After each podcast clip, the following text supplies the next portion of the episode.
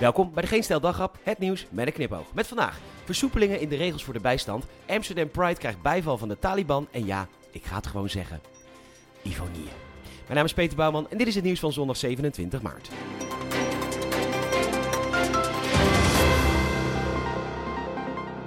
Trouw meldt dat de regels voor ouders in de bijstand worden versoepeld. Tot nu toe was het zo dat je werd gekort zodra je thuiswonende kind 21 werd. Nu is die leeftijd verhoogd naar 27. Dat is natuurlijk net wat praktischer. Je gaat naar het gemeentehuis om je pasgeboren baby aan te geven. Kun je hem direct even inschrijven voor een starterswoning. En 27 jaar later heb je een plekje, als je geluk hebt.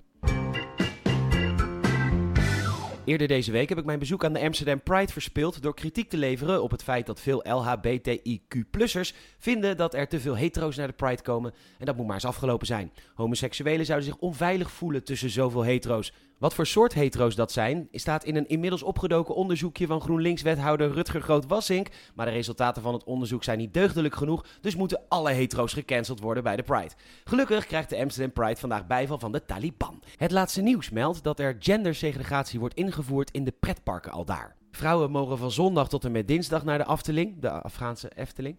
De mannen mogen van woensdag tot en met zaterdag. Gemakkelijk ook toe te passen op de Amsterdam Pride met straight en gay dagen. Seksuele segregatie in de stad van hoop en verbinding. De toekomst lacht ons tegemoet.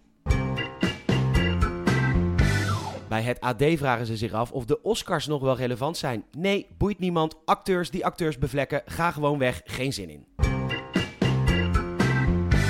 Er is een lichaam gevonden om de enorme stapel middelen als THC, heroïne, antidepressiva en benzodiazepines. Het zou gaan om de Foo Fighter drummer Taylor Hawkins. Vanochtend was de eerste aflevering van Ivo op zondag. Ach, god. Als ik aan Ivo denk, ah, een vleugel.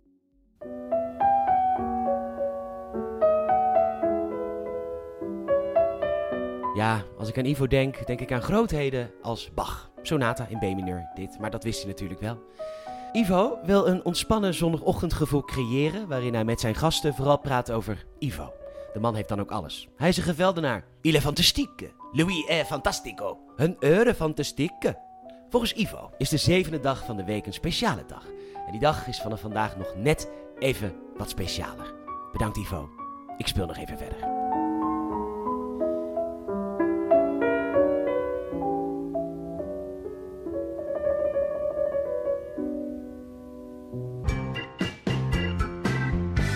Bedankt voor het luisteren. Je zou ze enorm helpen als je een vriend of vriendin vertelt over deze podcast. Je kan een Apple Podcast review achterlaten en je kan ons ook een rating geven in Spotify.